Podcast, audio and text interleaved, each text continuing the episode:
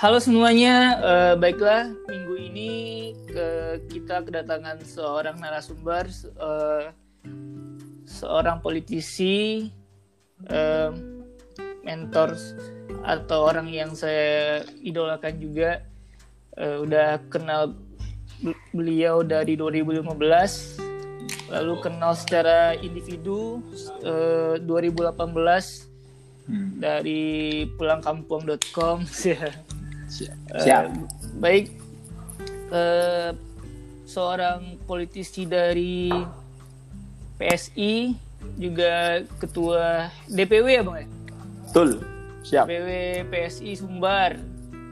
Baik, uh, ya bernama ya bernama Valdo Malini bang. Saya dulu bang buat teman-teman yang dengan podcast Halo, assalamualaikum warahmatullahi wabarakatuh, teman-temannya Yayo, Oya, Oyayo, Yayo.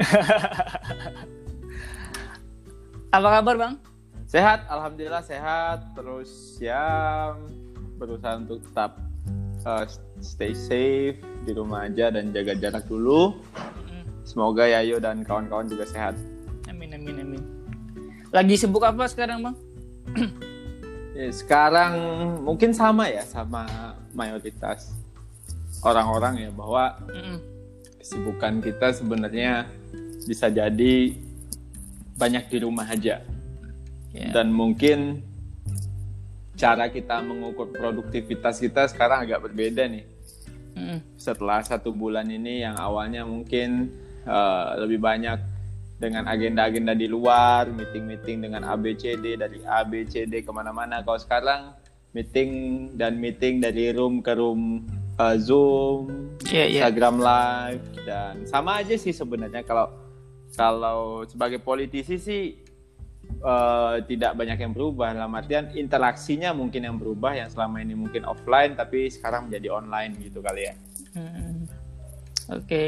tadi abang udah nyinggung juga terkait uh, politisi. Nah tadi ya juga udah uh, ngomong sama Mbak Valdo kita akan bahas terkait terkait politik teman-teman semuanya.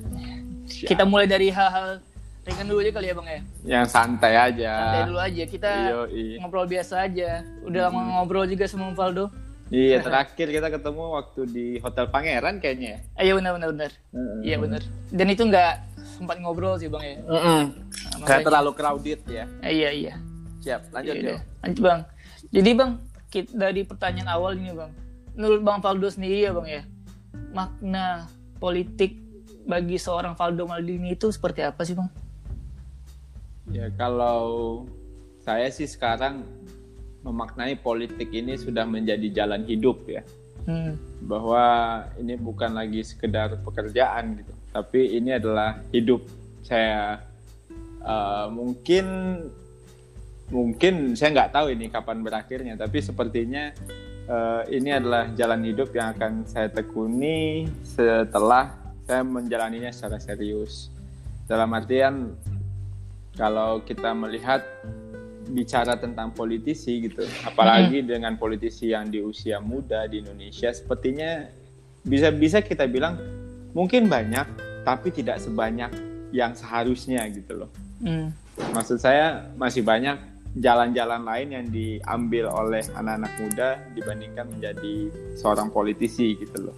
Karena kan menjadi politisi ini kan uh, di Indonesia itu uh, banyak sekali orang berpikir bahwa ya butuh banyak hal, butuh butuh persiapan matang, butuh apa uang yang banyak, butuh relasi yang kuat dan segala macam gitu loh. Yep. Nah, ya akhirnya kebanyakan orang mengambil jalan politisi setelah merasa puas dari jalan hidup yang sebelumnya gitu loh.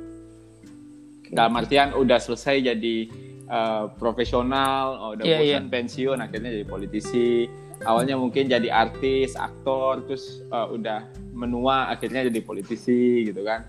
Mm. Atau sebelumnya jadi uh, eh, PNS atau BUMN kerjaannya, terus akhirnya udah selesai pensiun, ah coba ikut politik gitu loh. Mm. Nah kalau saya pribadi sih memilih jalannya berkebalikan gitu loh Hmm. Dalam artian saya langsung masuk di usia awal tanpa menjalani banyak proses yang sampai puas dalam tanda kutip dalam satu hal terlebih dahulu dan akhirnya hmm. di sinilah saya sekarang jadi ini adalah jalan yang saya yakini walaupun sebelumnya saya juga sempat apa dalam artian menjadi profesional bisnis walaupun sebenarnya bisnis juga masih jalan sih tapi mungkin hmm. tidak seserius dulu gitu dalam artian karena sudah jadi politisi uh, saya mungkin cuma terlibat sebagai pemilik saham aja gitu karena untuk eksekutif pelaksananya udah orang lain gitu loh karena hmm. saya mengkhawatir adanya uh, konflik of interest lah gitu loh yeah, kan? yeah, walaupun yeah. sebenarnya bisnis saya tuh nggak ada kaitannya sama uh, saya di Sumatera Barat sebenarnya di Sumatera Barat itu saya nggak punya bisnis sebenarnya jadi iya, iya. Uh, nggak ada urusan itu gitu jadi atau sebelumnya juga pernah di profesional dan saya uh, out dari semuanya keluar dari semuanya uh, akhirnya saya masuk politik dan ini adalah jalan hidup yang saya yakini oh, bisa membantu banyak orang secara masif dalam artian secara banyak dan secara cepat gitu loh dibandingkan jalan-jalan yang lain. Walaupun saya nggak bilang jalan-jalan yang lain itu tidak bisa bantu orang gitu, tapi yeah. saya merasa ini adalah jalan paling uh, masif dan paling cepat gitu loh. Misalnya satu tanda tangan seorang uh, gubernur gitu bisa mempercepat proses pemberian bantuan saat PSBB terlaksana gitu loh. Iya benar. Nah gitu. Mungkin hal itu tidak dimiliki oleh eh, orang-orang uh, selain politisi Nah, mungkin tanda tangan seorang wali kota bisa mempercepat proses distribusi bantuan ketika orang sedang disuruh PSBB gitu. Nah, mungkin hmm. Tidak banyak profesi-profesi lain atau jalan-jalan lain yang bisa melakukan itu selain menjadi wali kota yang sebenarnya mereka juga politisi gitu loh. Oke, okay, oke. Okay. Uh, baik, tadi kan Abang bilang juga uh, politik itu sudah seperti jalan hidup dan jarang ada uh, anak muda yang berani langsung terjun ke dunia politik. Ya walaupun uh, abang pribadi punya latar belakang uh, ketua BEM UI dan sebagainya gitu ya bang ya, tapi nggak nggak semuanya terjun ke dunia politik. Yeah. Kenapa Bang Faldo memutuskan masuk ke dunia yang ya bisa dikatakan cukup sulit untuk anak muda yang punya caranya sudut pandangnya yang baik atau benar uh, itu kenapa bang? Mungkin karena ini yo. Jadi setiap orang itu pasti punya cita-cita hidup yang tidak sama. Ya. Yeah. Setiap orang itu juga mungkin berasal dari titik yang tidak sama. Dan setiap orang itu juga memiliki proses perjalanan hidup yang tidak sama juga gitu loh. Nah, hmm. dalam artian dari proses awal perjalanan sampai cita-cita ini kan tiga tiga tahapan sederhana kita dalam hidup kan kita dari mana kita lagi jalan ke mana dan kita mau tujuannya ke mana gitu loh mm-hmm. nah mungkin proses-proses yang saya jalani terus mungkin momen-momen yang saya hadapi membuat jalan saya untuk menempuh perjalanan politik ini jadi makin makin makin terbuka atau makin tajam gitu loh yo mm. dalam artian misalnya kita berpikir uh, sumber daya yang dimiliki setiap orang. Sumber daya yang dimiliki untuk setiap orang untuk menjadi politisi dan non politis politisi sebenarnya sama aja gitu loh. Tapi mungkin dari antara tiga variabel ini yang paling penting menurut saya adalah perjalanan hidupnya gitu loh. Perjalanan hidup yang kebetulan saya dijalani atau memang Allah takdirkan itu memang perjalanan yang tidak bisa terlepas dari proses-proses politik gitu. Hmm. Walaupun memang saya di S1 itu jurusannya kan fisika ya. Dalam yeah. artian tidak ada kaitannya sama politik gitu. Hmm. Tapi menjadi pimpinan organisasi, menjadi ketika kuliah di luar negeri saya juga masih ambil fisika gitu, tapi proses menjadi ketua Perhimpunan Pelajar Indonesia terus juga uh, hal itu membuat banyak orang-orang politik yang mulai uh, berkenalan dengan kami gitu dengan saya pribadi dan ya mereka me mengajak gitu untuk coba deh ikutan politik. Dan saya coba ya ternyata in banget. Maksudnya mm cocok gitu loh. Cocok dan memang uh, apa untuk sampai ke sini juga tidak sedikit resiko yang dikorbankan. Dalam artian kalau sebenarnya memilih jalan lain sih mungkin uh, kalau tujuannya hidupnya lebih enak mungkin jalan Mapan. jadi mapan ya jalan jadi politisi ini uh, banyak orang bilang menjadi politisi bisa mapan. Belum tentu juga sih tergantung dia cara berpolitiknya bagaimana kan gitu. Iya benar.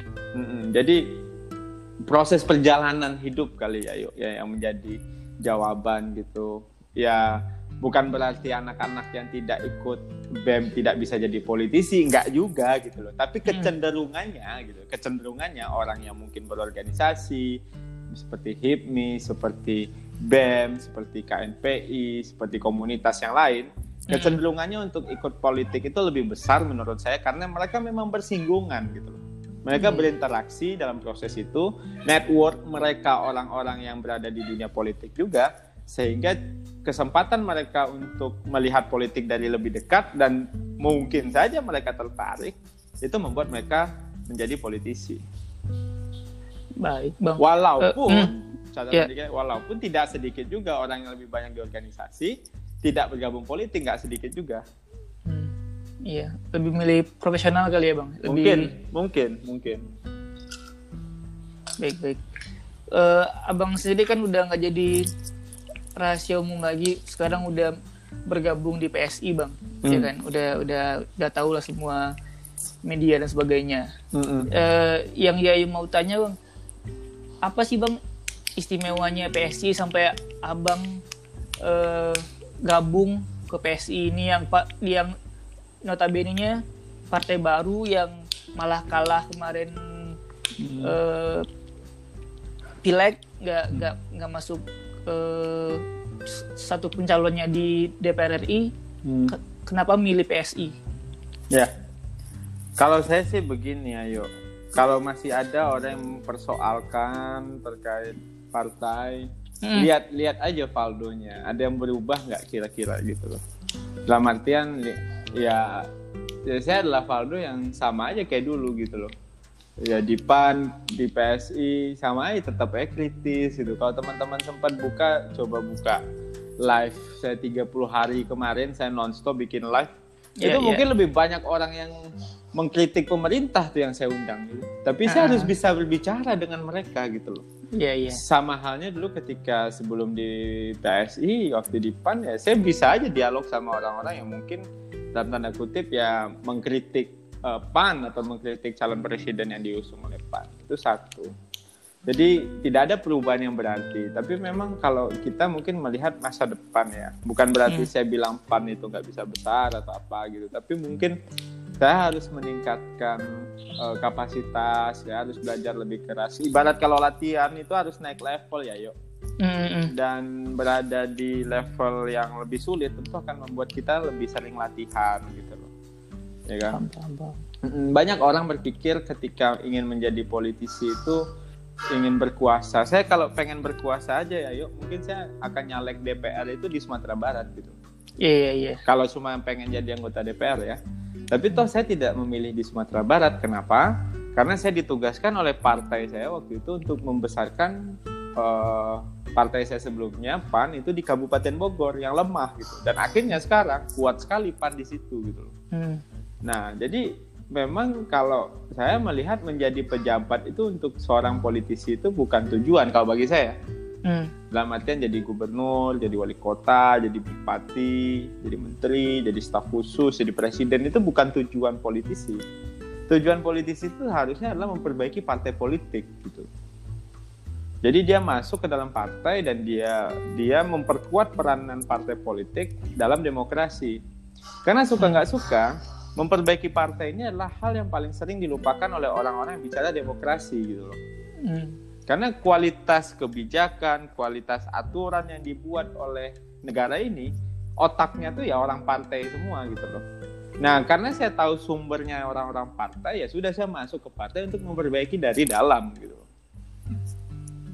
Jadi ruang improvementnya mungkin lebih lebih banyak di partai baru ini ya, yuk gitu loh. iya iya Jadi kesempatan untuk eksperimen banyak hal itu mungkin berbeda di barang baru sama barang lama. Walaupun secara kekuatan barang baru pasti pasti lebih kecil. Hmm. iya kan? Pasti lebih kecil pasti belum bisa berjalan gitu kan? Pasti nggak bisa ngapa-ngapain gitu. Tapi kan ruang untuk improvement dan bikin uh, apa ya? Bikin inisiatif-inisiatif yang bisa jadi bikin ini lebih cepat melonjaknya hmm. ya itu sangat memungkinkan untuk dilakukan gitu loh paham paham arti secara tidak langsung bang Faldo uh, masuk ke PSI itu untuk membesarkan partai ini di Sumbar sendiri karena karena sadar bahwa PSI itu masih apa namanya masih meniti karir di di di perpolitikan khususnya Sumbar gitu ya bang? Iya dan menurut saya sih karena ya kita bisa bilang apa ya uh, mungkin sulit ya untuk diterima. Justru tantangannya di sana gitu. Iya benar. Justru tantangannya di sana dan kemungkinan sih saya adalah orang yang memang menyukai yang namanya tantangan sih. Ya yuk iya. jadinya yeah. jadi ini jadi lebih menantang buat saya gitu loh dan dan mungkin akan ada pengalaman-pengalaman baru dan mungkin akan ada temuan-temuan baru dalam politik gitu yang belakangan hmm. setelah saya berjalan uh, di Sumatera Barat alhamdulillah sih nggak pernah diusir tuh gitu loh. Hmm. karena memang nggak nggak didatangin sama politisi banyak juga dia warga-warga ini gitu. Jadi sebenarnya warga tuh apa ya? Mungkin saya rasa kalau berbicara tentang pilkada gitu agak kurang relevan ngomongin partainya dari mana. Karena orang hmm. udah ngomongin sosok gitu. Iya iya iya. Jadi ya bahkan banyak kandidat-kandidat bagus itu didukung oleh partai-partai yang kadang-kadang uh, ya belum terlalu kuat gitu tapi menang gitu karena ini tentang figur sih mungkin jawabannya Baik, Kalau misalkan mau menang mungkin masuk kedua partai yang kuat di sumber kali ya bang ya. Kalau sekedar pengen jadi menang sih mungkin saya masuknya ke Gerindra gitu kali ya. Atau PKS. Atau PKS Lagi. sekalian gitu loh. PKS yeah. sekalian gitu tanggung. Kalau pengen jadi pejabat doang nih. Iya benar. Tapi kan kalau untuk demokrasi itu kan nggak begitu doang jalannya ya yuk. Jadi banyak yang salah sangka kali ya. Mungkin orang anggapnya saya pengen jadi pejabat. Jujur aja sebelum jadi politisi hidup saya udah kayak jadi pejabat sebenarnya gitu punya ajudan punya A B C D itu udah udah saya rasakan gitu tapi mungkin uh, dengan jalan politik saya mulai sesuatu sesuatu yang baru gitu jadi lebih seru aja oke okay, oke okay.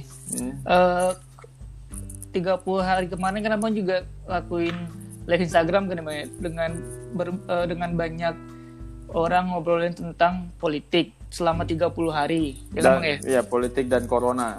Untuk corona. Uh, lalu agak geser sedikit bang di uh, live Instagramnya. Lalu dari 30 hari itu apa aja sih bang uh, hasil dari obrolan tersebut inti-intinya saja gitu bang yang didapatkan oleh bang Faldo sendiri yang menjadi apa namanya host di sana yang membuat acara itu. Ya kalau saya sih jadi dapat ilmu ya. Jadi dalam artian begini, tugasnya politisi itu adalah manggil orang-orang pintar, suruh mereka ngasih tahu mereka ngasih advice, ngasih perkuliahan dan 30 hari kemarin saya kayak dikuliahin sama banyak orang gitu loh. Iya, yeah, iya. Yeah. Dan akhirnya saya tahu nih, oh oh begini, oh begini. Jadi memang dan rata-rata belakangan saya lebih banyak memanggil ilmuwan gitu loh.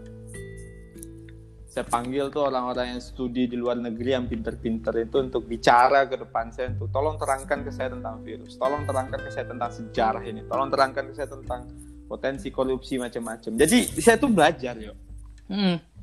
Dan sekarang kalau teman-teman nanya terkait COVID sama saya mungkin saya sudah bisa ngejawab semuanya kali. Apalagi apa namanya apalagi update-update COVID ini saya dapati dari istri kan kebetulan dokter yang memang update terus gitu loh. Nah yeah, mak yeah. makanya gitu uh, itu adalah momen yang saya gunakan untuk ngajak teman-teman belajar dan akhirnya sekarang saya akan memulai dengan langkah yang lebih spesifik khususnya untuk Sumatera Barat. Nah kemarin udah saya yeah. mulai namanya X Project itu. Nah, Langsung aja kali ya bang ya yeah. bisa dijelasin nggak bang apa sih bang X Project itu bang tujuannya apa? Eh, tujuannya saya ingin mengumpulkan orang-orang pintar di seluruh dunia ini khususnya dari Indonesia mungkin untuk untuk me mengajak mereka juga membangun kampung halaman saya dalam uh, beberapa tahun ke depan gitu atau bahkan seterusnya. Jadi saya temuin tuh ahli virus dari Jepang sama dokter di Padang gitu.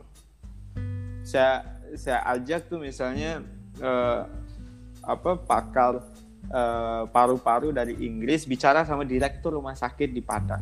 Jadi mereka dapat insight gitu. Hmm. Ya, jadi biar orang-orang misalnya kita bahas corona ya. Orang-orang ya. orang-orang yang bergerak terdepan dalam corona ini mereka tuh tahu bahwa barang ini, ini berkembang gitu loh.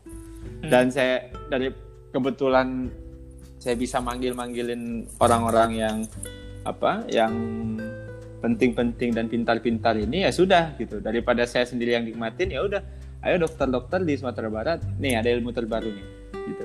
Nah ini mungkin akan saya lanjut-lanjutin dengan bidan dengan perawat dengan pegiat LSM aktivis apa aktivis masyarakat gitu jadi perlu rasanya ada transfer of knowledge di antara mereka gitu loh.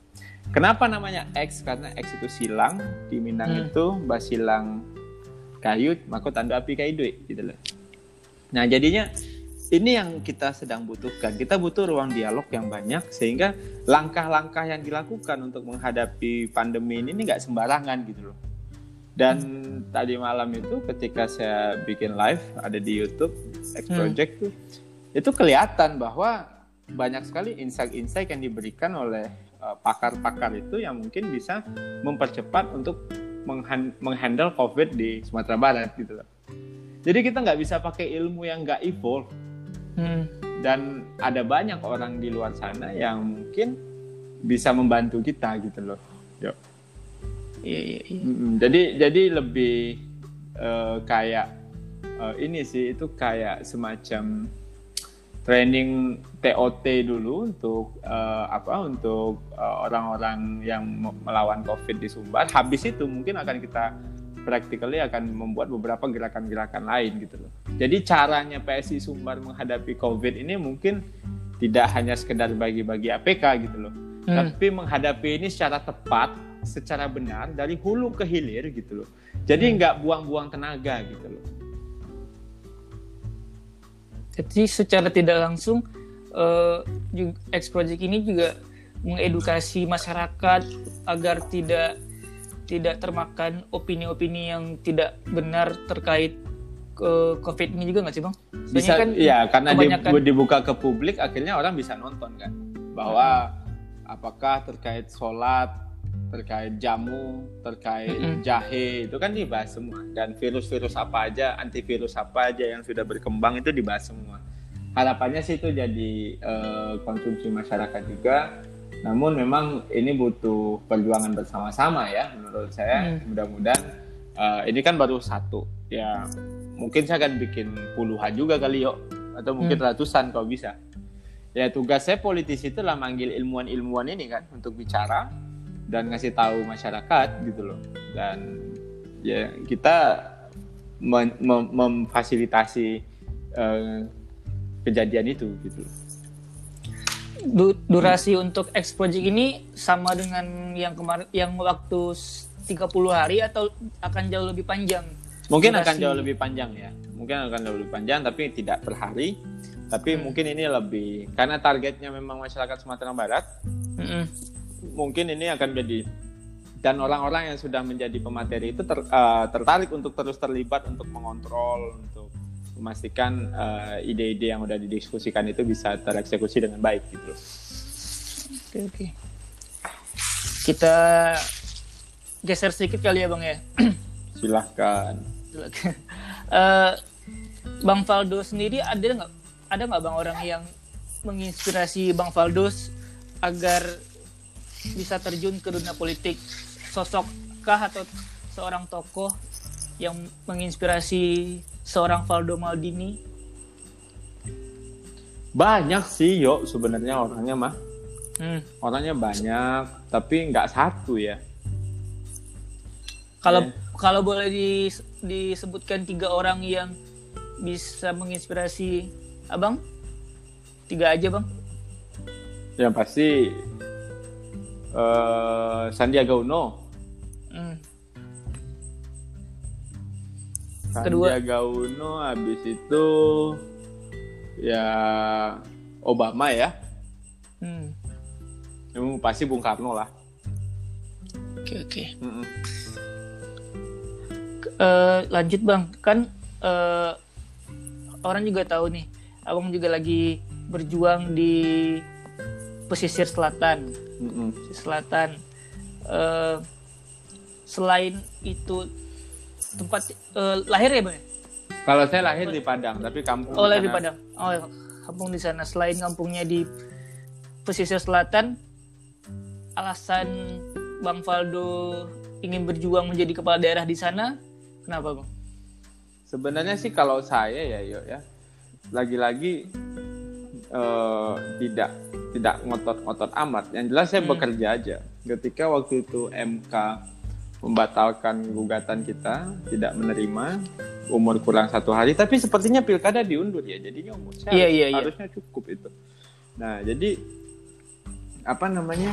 eh, saya terus jalan aja dan Hmm. saya merasa ya ini adalah kampung halaman saya ya saatnya saya mengabdi aja gitu. Tapi sekarang jujur saya tidak terlalu memikirkan politik sih Hmm. karena gara-gara COVID ini mending seluruh pikiran kita kita arahkan untuk membantu menyelesaikan permasalahan masyarakat gitu loh. Iya, iya benar-benar.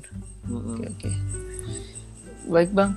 Kan ini lebih personal sih seperti Bang Hmm. pertanyaannya. Hmm. Kan ya pribadi sekarang tahun ini usianya 23 tahun nih Bang ya. Hmm. Dengan latar belakang ya keluarga ada yang politisi lah. Hmm. Politisi di daerah.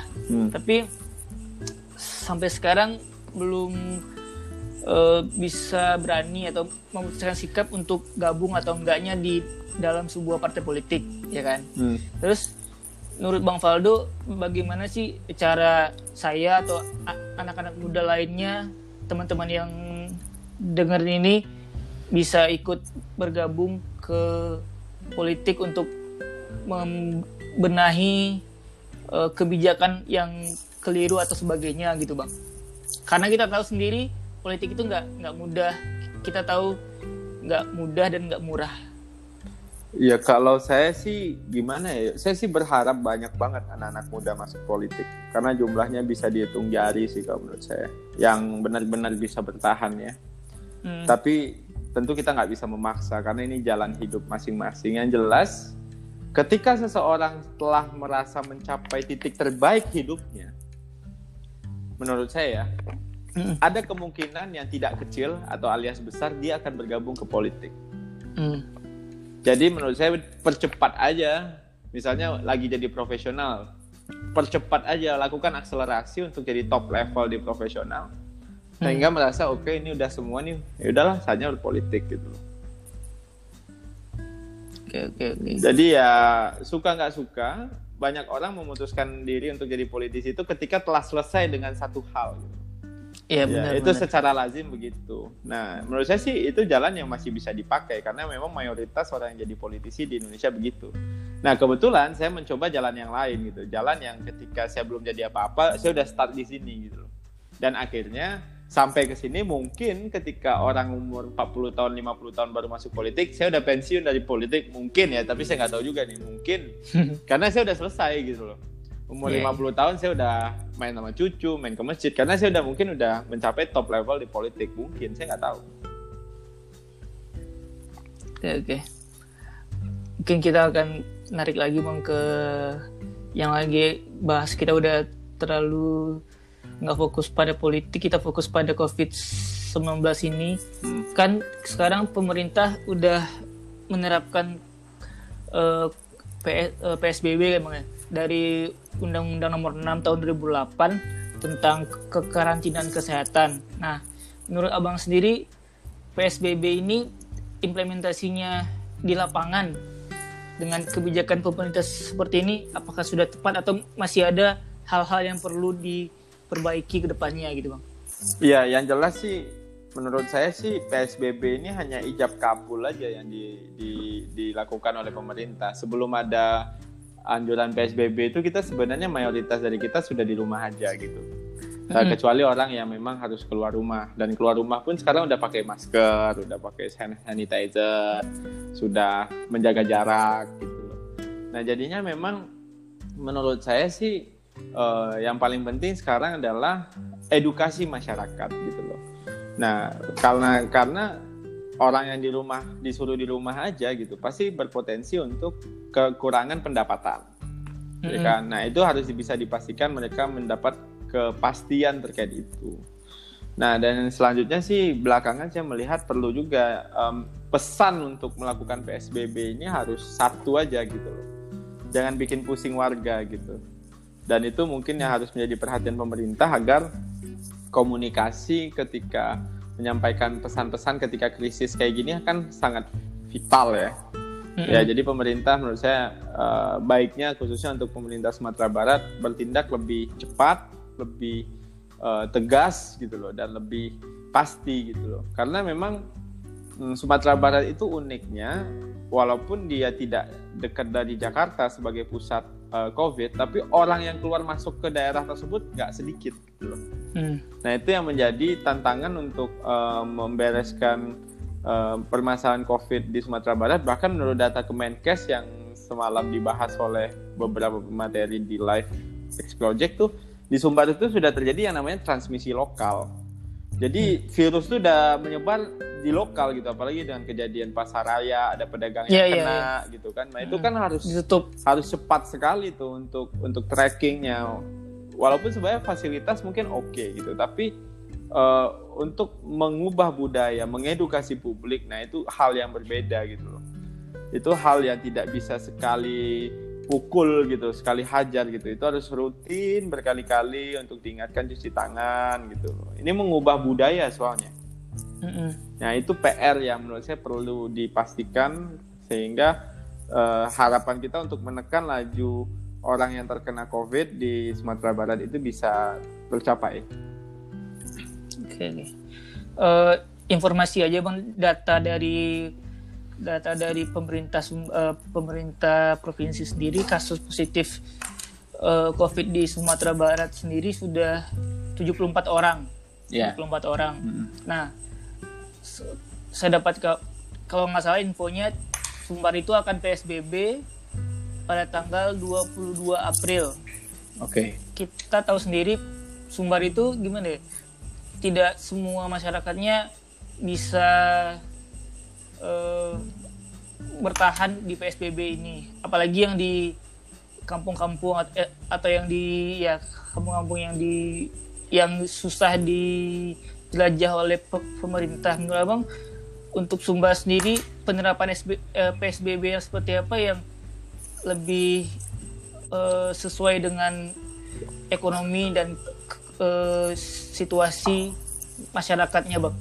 Ya saya rasa sih kita butuh sama-sama uh, berkolaborasi ya siapa pun dia orang-orang yang berpengaruh uh, tokoh masyarakat kepala kampung pak rt pak rw memiliki satu pemahaman yang sama bahwa saatnya kita menahan diri. Menahan diri untuk lebih uh, bisa menahan lajunya per, per, transmisi virus ini di Sumatera Barat. Karena belajar dari kejadian-kejadian banyak tempat gitu virus ini uh, kalau tidak bisa kita menahan diri maka potensi dia menyebar jauh lebih cepat jauh lebih besar gitu. Nah jadi sekarang mudah-mudahan dengan banyaknya kejadian sudah dia meninggal dan macam-macam di Sumatera Barat itu semakin menyadarkan kita bahwa mau ustadz, mau politisi, mau anak muda, mau guru, mau dosen, siapa pun masyarakat, ayo kita sama-sama untuk memastikan dan memberikan pesan bahwa untuk bertahan di rumah aja untuk sementara waktu dengan jaminan pemerintah memastikan kehidupan orang yang di rumah aja, mudah-mudahan virus ini tidak menjadi masalah yang cukup besar di Sumatera Barat. Apalagi Sumatera Barat kan terbanyak nomor dua se Sumatera ya. Iya iya. Itu kan dengan jarak yang jauh dari Jakarta, tidak terlalu banyak orang yang keluar masuk, berarti kan transmisinya lokal ini kejadiannya. Jadi ada tidak sedikit orang yang keluar masuk yang ternyata ya punya virus gitu loh. Ini fakta yang harus kita terima gitu dan kita harus menyelesaikannya. Oke. Jadi udah kita di di akhir eh, podcast ini bang santai kali ya. Yep. Uh, boleh mungkin kita eh mungkin kita mungkin ya mau ngasih kuis sih sebenarnya bang kuis silakan kayak silakan di TV ya ya ini bang ada tiga peran nanti abang eh, nentuin kalau misalkan abang jadi A akan melakukan kebijakan seperti apa yang akan diambil untuk masa COVID ini. Contoh, abang jadi uh, wali kota Padang, apa kebijakan yang mau diambil uh, cepat untuk uh, penindakan COVID ini? Hmm. Paham bang? Oke, coba aja. Oke oke oke siap. Santai aja bang. Uh, baik. Jika abang jadi pertama, jika abang jadi gubernur Sumatera Barat, kebijakan apa yang akan diambil? PSBB. PSBB. Oke. Yang kedua, kalau menjadi Menkumham. apa? Menkumham. Tidak membebaskan api koruptor. Yang ketiga, yang sangat krusial sekarang, jika Menkes mundur. Berupain mantap. Kebijakannya mundur diri sendiri ya? Iya, menurut saya sih uh, kami dari PSI memberikan surat kepada Pak Terawan sih sebenarnya. Uh-huh. Tidak sampai mundur, tapi tolonglah bergerak lebih cepat karena ini udah udah parah gitu loh. Silakan baca iya. surat terbuka PSI untuk Pak Terawan. Yeah, yeah, yeah. Ada sembilan kebijakan yang kami usulkan kepada Pak Menkes, mudah-mudahan sampai hmm. ke beliau. Amin amin amin. Baik bang, uh, yang yang kedua mungkin uh, ya mau minta saran ini bang. Kalau misalkan nih, ya ini kan abang politisi pertama yang diajak ngobrol di podcast ini bang, podcast muda ini. Hmm. Uh, abang ada dua nama politisi nggak bang yang jadi rekomendasi untuk gabung ke podcast ini untuk ngobrol-ngobrol uh, ngobrol-ngobrol dan menyampaikan aspirasinya atau pandangannya terhadap situasi Indonesia sekarang. Dua aja. Coba aja uh, bupati yang muda-muda dan wali kota yang muda-muda di Sumatera Barat tuh. Atau Andre Rosiade juga bisa. Ada Fadli Amran, ada Sultan Rizka, Andre Rosiade. Banyak kok yang dari Sumbar dua dua nama dari Bang Faldo. Andre Rosiade dan hmm. Fadli Amran kali ya. Fadli Amran. Oke hmm. oke. Okay, okay. Baik. Uh, Oke sekian Bang. Uh, terakhir ini Bang ya. Hmm. Terakhir closing statement dari semua obrolan ringan kita uh, pada minggu ini Bang. Untuk teman-teman yang dengerin juga closing statement dari Bang Faldo ya politik itu berat politik itu tidak mudah tapi bukan berarti tidak bisa kita taklukkan itu aja kali. Itu aja kali ya, ya. Uh, sekali lagi makasih ya bang udah mau dibuat susah santai. podcast ini. Santai. Siap-siap. Semoga bisa ketemu dan ngobrol-ngobrol bang. Bisa belajar Insya Allah. sama Bang Faldo juga. Insya, Insya Allah. Allah. Nanti kalau saya ke Sumbar kita ketemu siap-siap makasih. Maaf bang kalau misalkan ada santai. yang salah salah salah oke. Makasih juga buat teman-teman yang udah dengerin podcast ini. Semoga oh ya ini mau juga bulan uh, bulan Ramadan bang sepertinya mau dipublish. Mohon maaf batin. Semoga puasa kita diterima. Amin. Semoga amin. menjadi takwa. Amin amin amin. Sel uh, sekali lagi makasih bang Faldo. Sama-sama ya yo uh, kita tutup aja. Makasih teman-teman. Assalamualaikum warahmatullahi wabarakatuh. Makasih bang. Waalaikumsalam warahmatullahi wabarakatuh. Makasih ya yo